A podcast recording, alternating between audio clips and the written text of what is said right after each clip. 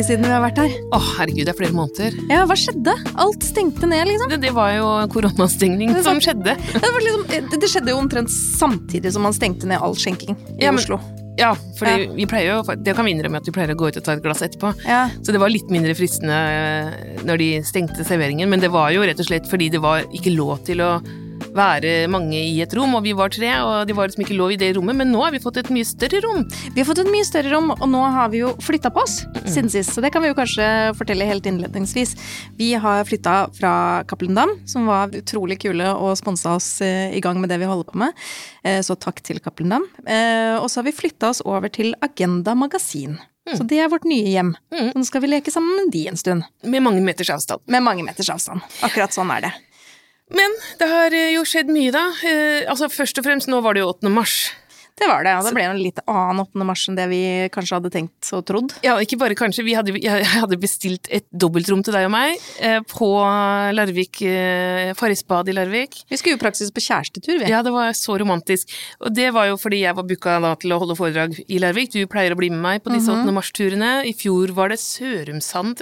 Ja, i fjor satt vi på et tog fra Sørumsand og drakk hvitvin. Det husker jeg veldig godt. Så det pleier alltid å være litt tradisjon på det. Ja. Og Halden har vi vært, og Skien har vi vært. Og Veldig koselig. Nå skulle vi ha Larvik, men så blei det nedstengning i Vestfold òg, så da sa de plutselig at eh, du får ikke lov å ha med deg noen, og det blir ikke publikum, og tralala, så da Og Farrisbad er stengt i ukedagene. Åh, det var så nedtur, altså. Det var det. Så jeg må innrømme at jeg satt uh, hjemme i min stue i sofaen og fulgte med på alt som skjedde rundt omkring, men uh, det ble en stusslig 8. mars, egentlig.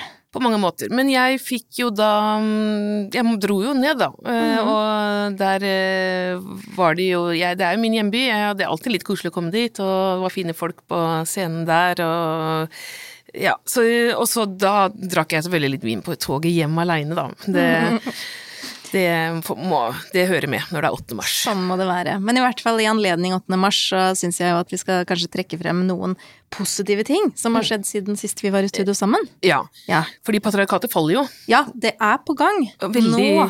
Det vakler eh, Ja. skikkelig for tida. Og kanskje først og fremst fordi Trump er ute av Det hvite hus. Ja, det er kanskje den beste Ding, nyheten ding, siden, ding. siden sist. Nå er jo folk lei av å prate om han, selvfølgelig det er vi òg, så vi skal ikke bruke tid på det, men, men det, var, det har jo i hvert fall skjedd siden vi var på lufta sist, så da kommer vi ikke utenom det. Nei, At da, liksom lufta vi puster i er på en måte litt lettere. Ja, jeg syns også det. Det var liksom akkurat som om en sånn vekt på skuldrene mine bare letta lite grann.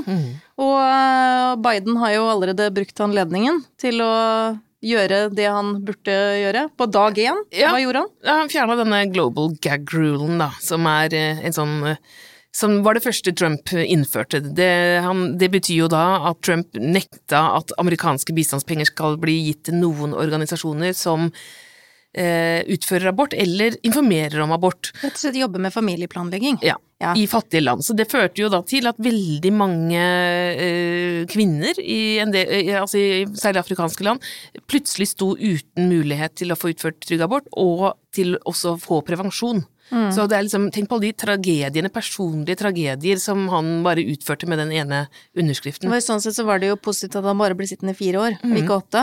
For det her er jo også en sånn tradisjon mellom republikanerne og demokratene. Mm. At republika republikanerne de innfører gag rule når Mm. de kommer til makt, og demokratene avskriver den igjen. Så yay for det. Vi håper at Biden blir sittende lenge, lenge, lenge. Det er, han, er, han er for gammel til å sitte lenge, lenge, lenge. Ok, helt frem til Kamala tar over, da. Ja. det får være greit. Jepp. Og mer, da?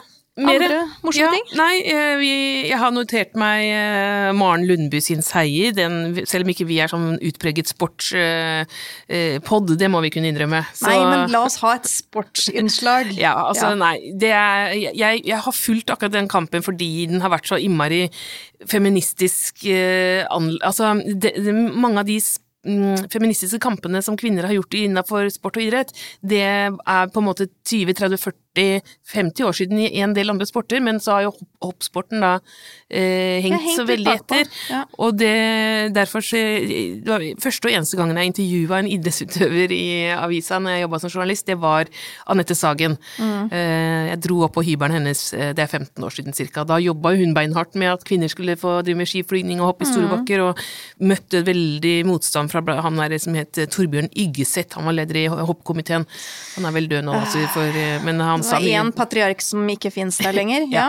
Det kan man si. Men hun har jo ikke hatt det lett, Maren Lundby heller. Nei, hun har jo tatt den kampen videre, og liksom da krona med denne seieren her, da. Så første, første kvinne som vinner gull i um, stor bakke. Ja. Så det var um, Det var gøy. Det er veldig gøy, så heier vi og håper at hun også får uh, hoppe skiflyging etter hvert også. Mm. Om det da ikke er nødt til å være 50 kvinner før de får lov å hoppe. Jeg syns godt de som har lyst og mulighet skal få lov. Så lykke til. Og mere? Hva annet gøy skjer? Fin notis her i går eh, fra Stortinget. Aldri før har så mange kvinner toppa listene til årets stortingsvalg. 76 av 170 listetopper i de ni partiene som er på Stortinget, er kvinner, og det er da en økning. Og SV er partiet med flest kvinner. Eh, hvem som har færrest? Ja, Kan det være Frp, eller? Ja, det var det. Ja. Men eh, i hvert fall eh, gode nyheter der. Det er jo særlig Altså, dette er stortingsvalg, da, men det er jo særlig lokalvalg som kvinner har vært eh, i, i veldig sterkt mindretall. Mm. men, men det er liksom da tegn på at det er en økning. Eh, Og det tyder jo på at det arbeidet vi gjør for å øke likestilling, også faktisk har effekt. Så jeg tenker Vi, at mener du deg? Du og jeg? Er det vi deg, som har fått det til? Det er oss som har fått det til. Det gode arbeidet over hele linja. Jeg tenker Hvis vi skal trekke frem en, en sånn aksjon som, jeg, som var veldig effektiv, det var jo Susanne Kalusa satte i gang det for noen, eh, noen år siden. Sånn kryss kvinner inn. Kryss kvinner inn. Og det, fordi at det, var- det var jo da, liksom, kom jo da undersøkelser som viste at eh, menn eh, faktisk krysser kvinner ut, da. Altså, eller de krysser Stryker. de, De stryker de kvinner. stryker kvinner på listene, og de krysser dobbelt for menn, da. Ja. Eh, og og det, er jo, det har de jo lov til. Det er jo en del av demokratiet, det. Å krysse og stryke, men da må jo kvinner også gjøre det, og det er det man ikke har gjort, da. Mm. Så hvis menn driver med sånt, så får vi også passe på å krysse litt. Det er akkurat sånn det er. Andre ting, da? Det beste som eh, nyheten som kom eh, den uka som gikk, det syns jeg var at eh, Monica Mæland eh, nå vurderer samtykkeloven. Ja, og det er et ganske stort steg, for der har jo Høyre vært hardt imot mm. samtykkelov. Så det at, uh, at hun som minister går ut nå og sier at det skal de overveie, det er faktisk ganske stort. Det er et framskritt. Altså, vi, her ligger jo Norge eh, etter litt i, i Skandinavia. Danmark har beslutta å innføre det ganske nylig. Svenskene har hatt samtykkelov eh, siden 2018. Og det som Eh? I Norge så er jo debatten fordi Dette er jo litt ny debatt, nyere debatt i Norge, det er bare de siste året vi har diskutert dette. Eh, så dermed så ligger jo også liksom retorikken og tankene rundt det litt sånn Vi er litt eh, tilbake, men nå kommer jo svenskene med tall på, som viser hvor effektivt det har vært. Altså, eh, fordi nå, siden 2018 da, så er eh, svenskenes erfaring at antallet anmeldelser har økt med 21 eh, og antallet tiltaler har økt med 80% og fellende dommer med 75 Det, det sier noe ganske helt uh, klart om at man har tydeliggjort hva som er en voldtekt og ikke en voldtekt. Mhm. Og det er jo fordi at eh, dette kravet til samtykke, det eh, gjør at eh, det blir senka krav til bevis om vold og motstand, og det er jo det som er liksom nøkkelen. For man har jo eh, Det er jo ikke det at det er om å gjøre å få flest voldtektsdommer i seg selv, men det er jo grunnen til at det er et pluss, er jo at det er jo så enormt få som blir dømt. Det er jo det er derfor vi jubler over flere dømte. Det er jo ikke fordi at det, altså, Det er ikke sånn at vi vil at uskyldige Nei. folk skal bli dømt. Det er Det det er, jo at, at det er noe med å liksom synliggjøre akkurat hva som er eh, en voldtekt, hva som er eh, forbudt, og hva man ikke skal gjøre. Det er jo det som det tydeliggjør med en samtykkelov. For det er noen som har sagt sånn at vi trenger ikke det, for det, dagens eh, lov er god nok. Vi, det er ikke lov å voldta, liksom, og det har vi på en måte Den er god nok, og det er jo en fornærmelse mot tusen på tusen på tusen av jenter som har prøvd å anmelde, eh, og, som, eh, og hele prosessen de har vært gjennom eh, fra, med etterforskning og mangel på dom. Eh, så i, fordi, fordi dagens lovtekst den innebærer i praksis at hvis du ikke yter motstand, da, Mm. roper nei eller slåss og får uh, fysiske skader, merker og får ja. skader, så blir den saken stort sett henlagt. Ja, og det er jo Eh. også det som er typisk da, hvor du har sovevoldtekter, eller du har voldtekter av kvinner som er eller kvinner og menn som er eh, ute av stand til å motsette seg. Altså som f.eks. er eh, rusa, eller på annen måte sovende. Eller så, livredd. eller livredd, som også er noe som man har sett mer og mer av forskning, at det er faktisk ikke sånn at folk gjør motstand. Hvis du er livredd, så, så får du litt sånn play possum modellen også, hvor du bare ligger helt, helt stille og ikke greier å bevege deg. Mm. De fleste som vil ha sex, de viser det ganske tydelig. Det er Ja. liksom det som er tingen. For det er jo også argumentet, da. Mm. Hva da, skal vi begynne å snakke underveis nå, da? Ja, ja. Må, jeg si, må jeg spørre aktivt? Og du tenker at det er vel ikke nødvendigvis, hvis alle parter er aktive og man ser at det skjer noe som viser til positive tegn, at motparten har lyst til å ha sex med deg, så trenger du kanskje ikke det. Men hvis du er i tvil, kanskje bare føles dette bra for deg? Mm. Et sånt lite sånn Er det ok at jeg gjør sånn? Det var eh, en morsom tweet, syns jeg. eh, Det var en som heter Dudusane Gupta på Twitter, som skrev det at på engelsk, da, men jeg har oversatt det til eh, Hvis du noen gang har forsøkt å stikke en finger opp i rumpa på en heterofil mann mens dere har sex, vet du at menn forstår veldig godt hva samtykke er, og tilbaketrekning av samtykke, og, og hva seksuelle grenser egentlig handler om. De spiller bare forvirret når det handler om våre kropper. Ja. det er også veldig godt. Men der har vi også lagt ut på Facebook-sida vår en, et veldig godt innlegg fra Tegnehanne. Tegnehanne har det jo med å forenkle og tydeliggjøre på en morsom måte de tingene som kan være veldig alvorlige i utgangspunktet, så vi anbefaler folk å sjekke ut hennes oversikt også. Og så håper vi på samtykkelov. Mm. Det gjør vi. Det tror jeg de fikk med seg. Ja. Tror du? Men du hadde enda flere. To til gode nyheter. Jeg har to gode nyheter til. Den ene, den, eh, den er ikke helt ny, da, for det, skjedde rundt eh, nyttår, men da var jo ikke vi på lufta. Eh, Det er at Argentina endelig har fått abortlov. Og det har de kjempa for lenge, det. Det er så absolutt på tide, men det er jo det som er, gjelder i store deler av Sentral- og Sør-Amerika, at det er, det er ikke tilgang på abort. Også i spesielt de katolske områdene. Mm. Så det er jo en stor, Den- stor nyhet. katolske kirken står veldig sterkt i Argentina og hele Latin-Amerika, men det at de har fått abortlov i Argentina, som er et stort, viktig land eh, der det kan få litt smitteeffekt, er det noen som eksperter som mener, da, så at vi får håpe at dette er første skrittet i den retningen. Det var vel Bolsonaro som ganske nylig sa til brasilsk kvinner at det vil de aldri få. Eh, så det Ja. Men eh, Men eh, han blir vel forhåpentligvis ikke sittende for alltid, han Bolsonaro heller. Nei, Var, han- eh, dør nok snart. ja, men ikke av korona, beklageligvis. Han dør nok av eh, patriarkalt eh, pa- patri, at- at- Patriarkal patriarkalt Patriar... Sammenbrudd! Ja, det er ikke noe verb! Nei, det klarer jeg bare ikke å det, Dette må vi tenke på. Hvordan ja, hvordan vi skal si akkurat det. Mm. Det er sant. Men det er jo grell kontrast til eh, det som beklageligvis skjer i Polen. Ja. Ja, for der går det jo helt i Ja, motsatt retning. ja, de har mista abortloven sin. Eh, altså, de har jo ikke hatt noen ordentlig tilgang på det, men de har jo hatt noen unntak som nå er strøket, da. Sånn at nå er det på en måte ingen eh, Tidligere så var det sånn at hvis eh, barnet var veldig sykt og kom til å dø eh, rett etter fødsel, for eksempel, så kunne du ta abort, men nei, nå må du føde de døde og syke Mm. barn. Og der ble det jo sagt også det at uh, det er bedre at de barna blir eh, født sånn at de kan døpes før Ja. de skal begraves. Mm. Og det er jo den type holdninger som du skjønner at det bare er en mann som kan ha sagt. Mm.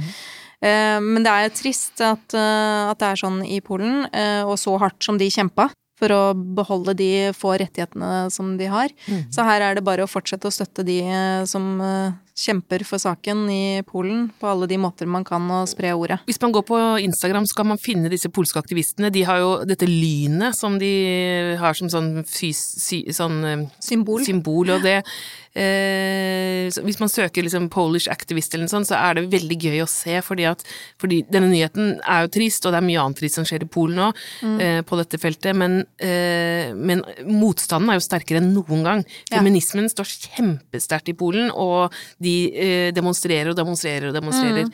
Så man blir litt oppløfta av å gå inn og, og kikke på hva som skjer. Ja, så absolutt. Men det var jo en, både en positiv nyhet og en ikke så positiv nyhet, så da må vi veie opp med den siste gode. Siste gode nyheten for i dag, eh, det er at Forsvaret nå gjør bind og tamponger gratis og tilgjengelig for soldatene. Skulle nå virkelig bare mangle, Mm. men jaggu, det var godt at de kom etterpå det. Ja, for det var jo først nei. Først så fikk de nei, og så blei de damene som hadde spurt om det latterliggjort og sånne ting som man ofte blir hvis man tar opp dette med, med mensprodukter og urettferdighet rundt det, da. For det er jo mange i Norge som har snakka om hvorfor skal det være luksusskatt på på disse produktene. Ja, hvorfor skal det være luksuskåpe? Det føles jo ikke særlig luksus der en gang Nei, i det er på en måte ikke sånn du tenker at å, nå skal jeg kose meg i helga med litt uh, bobler og bind. Og slå meg løs med noen litt ekstra frekke tamponger. Nei, det er ikke luksus. Nei, det er ikke Nei. det. Så fjern den eh, luksusmomsen. Det er Mm. også et budskap videre. Men nå får de i hvert fall eh, dekka det behovet de måtte ha, de som er i militæret, og det er noe godt er det. Ja, for der har det vært mye rare nyheter i det siste om seksuell trakassering og, hvor, og dårlige forhold, liksom. Det virker som om det, de ikke har i det hele tatt vært forberedt på økt andel eh, jenter og Jeg kvinner. tror man i utgangspunktet bare tenkte at her bare bare gjennomfører vi, og så håper vi at det går greit, uten å ta det inn over seg liksom litt kanskje hvilken alder de som er inn i militæret er i. Mm. Det er nok ikke helt enkelt å bare bråvåkne på en sånn måte. Men eh, uansett, vi håper de fortsetter å jobbe med saken, og nå sier jo de at løsningene skal være å få flere kvinnelige ledere i militæret. Så det kan jo også være en positiv vei å gå. Mm. Vi heier på det. Litteratur pleier vi å snakke en del om. Ja, fordi at det har vi jo hatt tid til. Nå i eh, denne Ja. perioden. Ja. Lest, lest bøker og sett på TV-serier. Ja, jeg har mest av det siste.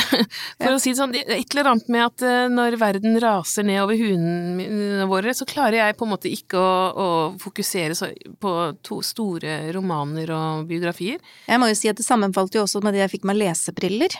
Så ja, så gammel har jeg blitt. Men det var jo en skikkelig sånn halleluja å sette de lesebrillene på nesa, fordi at jeg fikk jo opp eh, lesehastigheten min eh, voldsomt. Så viste det seg at det var jo ikke bare sånn manglende konsentrasjon, det var faktisk dårlig syn. Ja. Jeg har fått progressive linser i år, så altså, det, går, det går den veien. Det gjør det, men vi ser fortsatt i hvert fall med å lese bøker. Ja da, litt leser vi. Jeg har fått nettopp en bok, jeg har ikke lest den, jeg har bare fått- nettopp fått den, jeg gleder meg til å lese den. Det er den eh, nye, eller nye, altså den, det er den til Simone de Beauvoir med, om Sasa. Om Ja. venninna hennes. Riktig. Jeg syns det er så fascinerende, for det virker som det er så mange av disse damene som har den typen sånn veldig lidenskapelige venninneforhold. Intense. Uh, Ja. Det er jo den Sigrid Undset-historien som vi har snakka om før. Uh, Og om, om ja, i det hele tatt, nå kommer jeg ikke på noen, men det var en annen bok som kom i fjor også.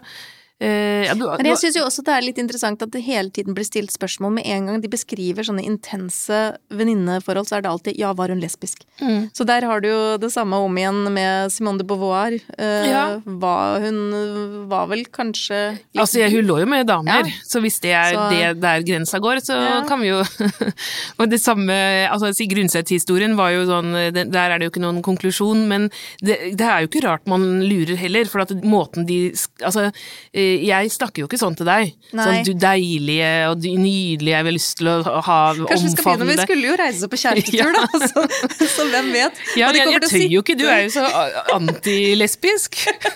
Jeg er så innmari hetero, men, Ja. det, men det er jo hun venninna Sasa til uh, Ja, Simone ja. de Beauvoir også. Så Ja, der har har du lest den, du? Jeg har lest litt om den i uh, avisa og hadde liksom notert meg at det var en, eh, en bok som hørtes veldig interessant Mhm. ut. Men så tenkte jeg nå også det der, du snakker om menn, kvinner, venninneforhold, så er det klart at innenfor venninner, altså i hvert fall litt, litt unge nå i dag, er jo litt sånn der søta og fina og, Ja. og liksom sånn kosepuse Veldig liksom, lite sexy, ja. da.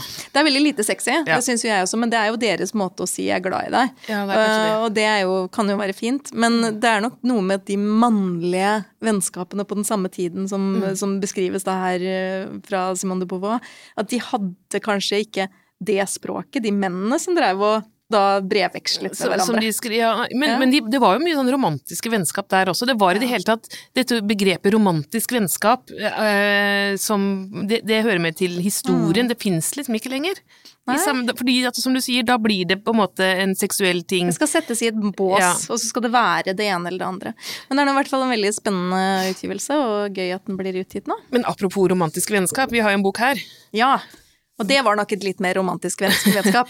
Br Brummenes og Torgersen. Det er en eh, fantastisk omslag her med disse to eh, damene fra Haugesund eh, kledd i mannefrakker og herrehatter og maskulin eh, posering. Dette er jo da Arne Vestbø sin eh, helt ferske bok om eh, verdens første kvinnelige redere. Det er kjempegøy. Og du har jo skrevet om de også i 60 kvinner. Ja, lagde en liten tegneserie om dem tidligere. Men denne uka så kommer det faktisk to bøker om, om disse, eller denne måneden. Fordi også den nye romanen til Cecilie Enger, den heter Det hvite kartet, den handler om de to samme damene. Mhm. Så det er jo helt spesielt. øh, Med, øh, liksom, det er litt uflaks for en forfatter, det må jeg si. At akkurat den boka du jobber med, så kommer det Men så er det i hvert fall én sakprosa og én skjønnlitteratur, så sånn sett så kanskje de oppveier hverandre. Men det er jo en veldig spennende historie, ganske enestående. Det er jo det, fordi altså dette, nå snakker vi sånn eh, helt begynnelsen av 1900-tallet, eh, da disse to damene kjøpte sitt første dampskip da, eh, på tvangsauksjon. Og da danna de rederi samtidig, og dette, nå er vi fire år før kvinner fikk stemmerett. Så de kunne ikke engang kjøpe, de, de brukte stråmann for å få kjøpt Ja, hadde de i det hele tatt arverett på den tida der? Nei, ja, det lurer jeg på om de kanskje ikke hadde. Nei, de kvinner hadde jo mer eller mindre ingen rettigheter, så de, de, når de skulle kjøpe disse eh, båtene sine, så skrev de under med herr, og lata som de var menn, og de brukte liksom mellommenn for å få det til, da. Men etter hvert så kom det jo fram at uh, Brumnes og Torgersen var drevet av disse to damene. Eh, og da det veldig mannsdominerte skipsredermiljøet blei jo sjokkert, selvfølgelig, mente at det her er helt håpløst, de kommer aldri til å få det til. Men det gjorde dem, altså. De fikk, hadde på det meste 14 skip. Og øh, så mista de hele flåten sin under første verdenskrig. De var veldig forsiktige, jeg vet ikke om det var, om, om det var en kvinnelig dyd, men øh, de ville liksom ikke uh, gå konk, da, så de kjøpte bare liksom de billigste båtene hele tiden, som ofte var litt dårlige, så, og de sank jo, da. Så de, de, de hadde høyere sånn synkestatistikk enn andre rederier.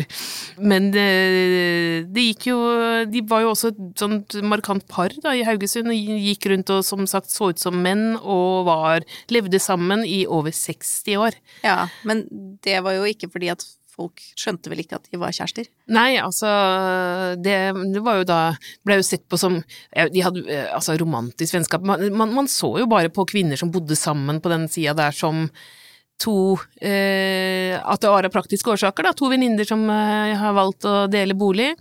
Eh, det var så langt man klarte å tenke, i hvert fall i Haugesund, vil jeg tro, for det var eh, ingen som kobla det. Men de hadde jo hverandre i testamentet og ligger begravet ved siden av hverandre og bodde i denne store, fine villaen i alle disse årene. Så det er jo egentlig, en, når man ser det i ettertid, en romantisk historie om noen som bare Som bare eh, levde sitt liv under nesa på folk som ikke skjønte hva Ja, som foregikk. Ja. Og det er en ganske vanlig historie. Flere av de folka jeg skrev om i 60 damer, hadde lignende som dette, eh, Sy- Synnøve Finden blant annet. mm, Og i går fikk jeg høre om eh, søstera til Colin Archer eh, i Larvik, for han var jo en båtbygger i Larvik, mm. så det var samme miljø på Nydelige båter. ja, så det var jo dette skipsredermiljøet egentlig, for hun eh, Mary the Man, det var søstera hans, hun ble kalt for The Man, for hun kledde seg også sånn som dette, Yes. og med sigar og hatt, herrehatt.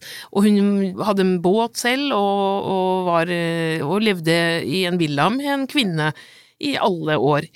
Uten at noen tenkte at det var noe annet enn Eller altså, Men det er jo sånn som vi har snakka om før. det var jo kanskje det- trans, det vet man jo ikke heller. Ikke sant? Nei, det hadde jo ikke ikke ord og begrep på det, hva, så man kan jo ikke vite hva som var hva, holdt jeg på å si, om de var lesbiske, eller om de bare var lei av kvinnerollen og heller eh, hadde lyst til å råde for seg selv. Ja. Men det er jo også den der liksom med at kvinner ble jo ikke tillagt seksualitet på den tiden her. Mm. Så dermed så ble det jo liksom som man kobla jo ikke én pluss én, fordi det var jo kvinner, og kvinner var jo ikke seksuelle vesener. Mm. Så Nei, da, det var jo ikke det. Og Da det blir var det jo sånn.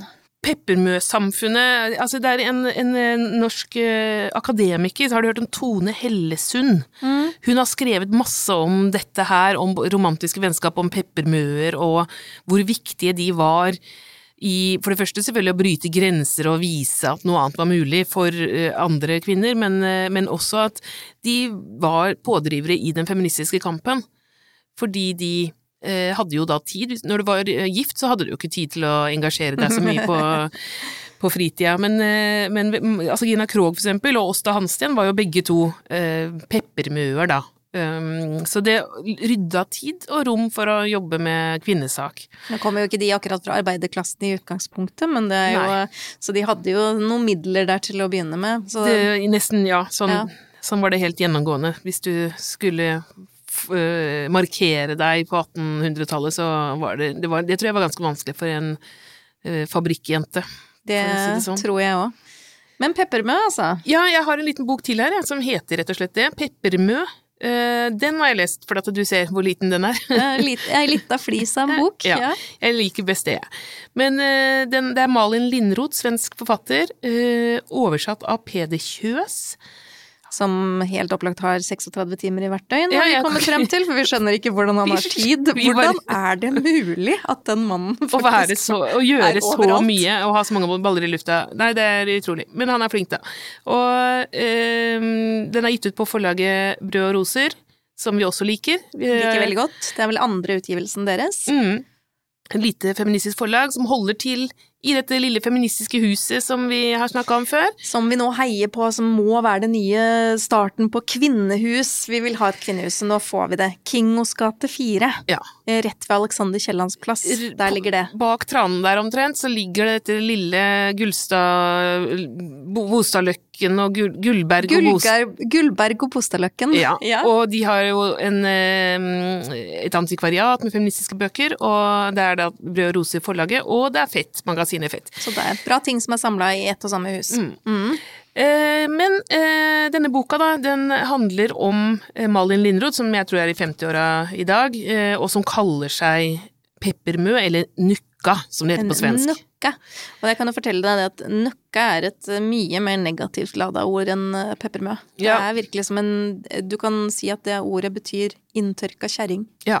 Ja. Ikke sant? Uknullbar kaller Ja, hun seg. det, det høres veldig riktig ut, Mm. og det, det vil jeg tro. Men dette er jo da et sånn frigjøringsprosjekt. Hun tar dette ordet tilbake og sier at det er jo hennes liv, og hun identifiserer seg med den typen peppermør som vi har snakka om her. Eh, og hele den historien også, så det er en kult, sånn kulturhistorisk gjennomgang av peppermø-nukkan-begrepet. Mm, og sin egen livshistorie, fordi at eh, hun eh, er jo ikke frivillig peppermø, egentlig. Hun vil hun ville egentlig ha både mann og barn, og har ligget med en del menn, men det er ingen som har villet ha henne for noe mer enn bare et par netter, da. Eh, og så går hun gjennom hvorfor det er sånn, og hvorfor hun ikke vil kalle seg for singel, for det er mange som sier sånn, men du er jo singel, du må jo bruke det ordet. Du er ikke med du Du er er ikke nykka, nukka, liksom, ja. Ja. Eh, men så sier hun nei, singel det er jo en sånn livsstilsvalg som virker ganske fancy, som man kan gå inn og ut av. Men eh, det er ikke det hun Hun føler seg eh, ikke som singel, og forklarer det veldig godt i den boka. Den er godt skrevet. Jeg leser bare et lite utdrag. Mm. Ehm, det, altså, det, hun forteller nemlig om sin tante, som hun identifiserer seg med, fordi hun var da også peppermø. Eh, jeg tenker på tante Tora, mormors kusine som var ugift og barnløs og sto for all søm i slekten. Straks en kjole skulle sys til en brud eller en brudepike, kom tante Tora reisende med syskrinet, kilometervis med taft og tyll under tante Toras hender, men selv ble hun aldri bedt til en eneste bryllupsfest. Jeg ser tante Tora for meg ved symaskinen i en sky av brudetyll og fylles av raseri over den forbannede datiden. Hvor er tante Toras grav? Jeg vil dra dit og lyse den opp med et hav av lys, men ingen vet hvor graven er. Ingen husker dødsårsaken. Det eneste tante Tore har etterlatt seg, hennes eneste ettermæle, er et vagt minne om en som kom med syskrinet, like selvfølgelig satt i tjeneste for kjernefamilien som hun ble utelatt fra festene deres. Hvis jeg hadde blitt født bare et kvart århundre tidligere, kunne jeg lett ha blitt henne. Jeg syns det er en så grusom familie. Det er det første jeg tenker på. Hvem er det som oppfører seg sånn? Men det var jo sånn. Det var eh, på en måte antageligvis ganske så ensomt å være utafor kjernefamiliesystemet. Ja, og så er det jo også det der med at øh, man, kan, man kunne jo på den tida også ende opp med å være økonomisk øh, avhengig av familien sin hvis man var øh, enslig. Det var, jo, ja, det var jo sånn at, man, at Ja. broren din eller faren din uh, måtte forsørge Mm. deg, da, fordi kvinner i borgerskapet igjen, da må vi snakke om, for Mm. at arbeiderklassekvinner har jo alltid måttet jobbe. Ja, ja, ja. Men i borgerskapet så kunne jo ikke kvinner jobbe, for det var- blei jo sett på som uh, nedrig for en kvinne. Mm. Men det var jo også manglende alternativer, og det er også sånn som jeg husker på at min samboer som er tysk, fortalte meg, for hans far er jo av den generasjonen som var barn og ungdom under andre verdenskrig. Eh, Og etter andre verdenskrig så var det jo så mangel på menn Mm. i Tyskland. Så han hadde to eh, tanter som eh, rett og slett eh, måtte gå i kloster Mm. for å ha For Brød, å få mat. brød og mat. Ja. Ja. Det var det alternativet de hadde. Um, fantes ikke jobber for kvinner heller. Mm. Så det var virkelig ikke noe annet alternativ. Så når man hører sånne historier, så tenker man at det må jo ha vært i en annen verden. Det er ikke mer enn 50-70 år siden. Mm. Det er liksom, det er ikke lenge.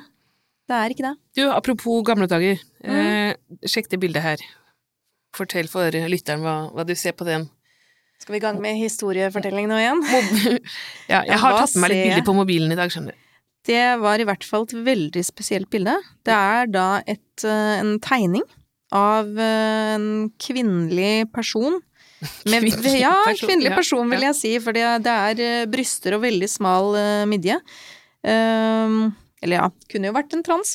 Det er, men med mye hår. Det er veldig mye behåring i fjeset. Det er eh, skjegg og store øyebryn og ganske stor nese og store lepper. Vi får legge det ut på Insta, så eh, Ja. lytterne får se. Men For hvem er dette? dette er en dame som heter Julia Pastrana. Og eh, jeg leste nemlig eh, denne boka, den er gammel, men den er eh, eller gammel, er 20 år gammel, da. Eh, av Kristoffer Hals Gylseth og Lars Toverud. Den Julia Pastrana, Apekvinnen. Og det var så fascinerende. For hele, altså denne boka tar jo da for seg ikke bare Julia Pastrana, som vi så her, men eh, hele denne sirkus- og tivolibransjen på 1800- og 1900-tallet, som var så grotesk. Fordi de drev jo med sånn freakshow, ikke sant. Ja, ja, ja. Hvis du hadde et eller annet veldig spesielt ved deg, så ble du stilt på utstilling. Ja, veldig tjukk, for eksempel, eller sånn. Altså, menn var jo den veldig sterke Den sterke mannen var jo ikke så ille, da. Slangemennesker er jo også fortsatt uh, tilgjengelig på sirkus, ja. Ja. Men eh, det, de er, er akrobater, det som Ja, har trent det er masse. det. De er ikke slangemennesker. Det var jo det, de som er ekstremt Ja, bøyelige. ja, det er sant. Det er noen sånne ganske ekstreme, men ja, Ja. uansett. I hvert fall uh, Julia Pastranas historie, det var bare det at jeg ble så fascinert av det, fordi, at, fordi den har liksom en link til Norge. Det var det at uh, hun, ble, hun er meksikaner, født i eh, nei, 1834, med denne eh, medfødte genetiske tilstanden da, som eh, du beskrev, som gjør at hun var, hadde hår på hele kroppen og i ansiktet og skjegg og alt. Og deformasjoner i munnhulen, så det er derfor de har, den har den derre Hvis er sånn kraft, kraftig eh, kjever. Ja, så hun Ja. blei kalt apekvinne, da. Det, og eh, så gikk hun jo da veldig i ung alder inn i tivolibransjen, hadde antageligvis ikke noen andre valg eh, i verden. Eh, og så blei hun gift med en eh, mann som het Theodore Lent, og det var han som da var hennes manager, og han levde av å vise fram kona i, på tivoli, da. Og så hun, ble hun gravid og fikk en sønn, øh, men han døde øh, De døde begge under fødsel, både Julia Pastrana og sønnen. Ha- Sønnen hadde også denne samme genetiske tilstanden. Og da var det det verste skjedde, for han øh, helt skruppelløse Theodore Lent, han stoppa ut kona. Altså, det er det verste jeg har hørt. Ja. Eh, han stoppa henne ut, og, og babyen. Denne? Ja, og balsamerte dem og sånn, da, sånn, for å kunne fortsette. Han ville jo kunne ikke, ville ikke miste penga, så da fortsatte han å vise dem eh, fram, men da i et glassbur, da. Eh, og det fortsatte i mange år, men så kom Lunds tivoli i Norge, husker du dem? Ja, det husker jeg. De kjøpte disse likene. Eh, for å vise dem fram her, og eh, i eh, Men på liksom, en eller annen gang i 70-åra, på 1970-tallet, så blei det litt politisk ukorrekt å vise fram denne typen utstoppa mennesker. Så da plasserte Lunds tivoli disse likene på et, en lagerhall på Rommen. Jeg bare lurer på, tenkte de at de bare skulle la de stå der til stemninga var, var grei for å ta de det- frem igjen, eller hva tenkte de? Det var så politisk på 70-tallet, så de tenkte liksom vi venter. Vi venter til, til, eh, bølgen til går opp igjen. 80-tallet. De, kanskje de, hadde, de så for seg den høyrebølgen på 80-tallet. Yes. Da blir det sikkert bedre. Men nei da, eh, tingen var det at eh, i 1976 så var det noen tenåringsgutter fra Groruddalen som brøyt seg inn i denne lagerhallen. Og det var sikkert mye spennende å se når det står masse ting fra Lunds tivoli der. Ja, Og I hvert fall utstoppa folk og sånn. ja, og så da hadde de klart å få Det er fælt, men de hadde klart å få løsna armen til uh. Julia og fått den med seg hjem på gutterommet før da politiet blei involvert og de skjønte at det var et lik, for de trodde det var en dokke. Det var jo det det så ut som. Eh, så kom politiet på banen, og så fikk jo da eh, Julia Pastrana etter hvert en ordentlig begravelse og, og, sånne ting, så det er liksom Det ble forsøkt ryddet opp på en eller annen måte, da, men jeg, tenk, jeg ser for meg heller at vi eh, bare på grunn av skammen over Lunds tivoli, så burde vi gitt Julia Pastrana en gate. På Rommen. Ja, på Rommen, kanskje. Ja. Og i Groruddalen. Syns egentlig det hadde vært helt på sin plass at vi æret eh, Julia Pastrana med en gate.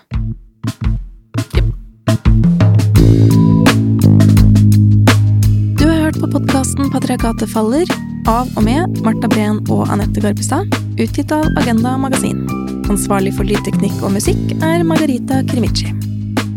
Du finner Patriarkatet faller på Facebook, Instagram og Twitter og du kan sende oss en e-post på patriarkatetfaller at gmail.com.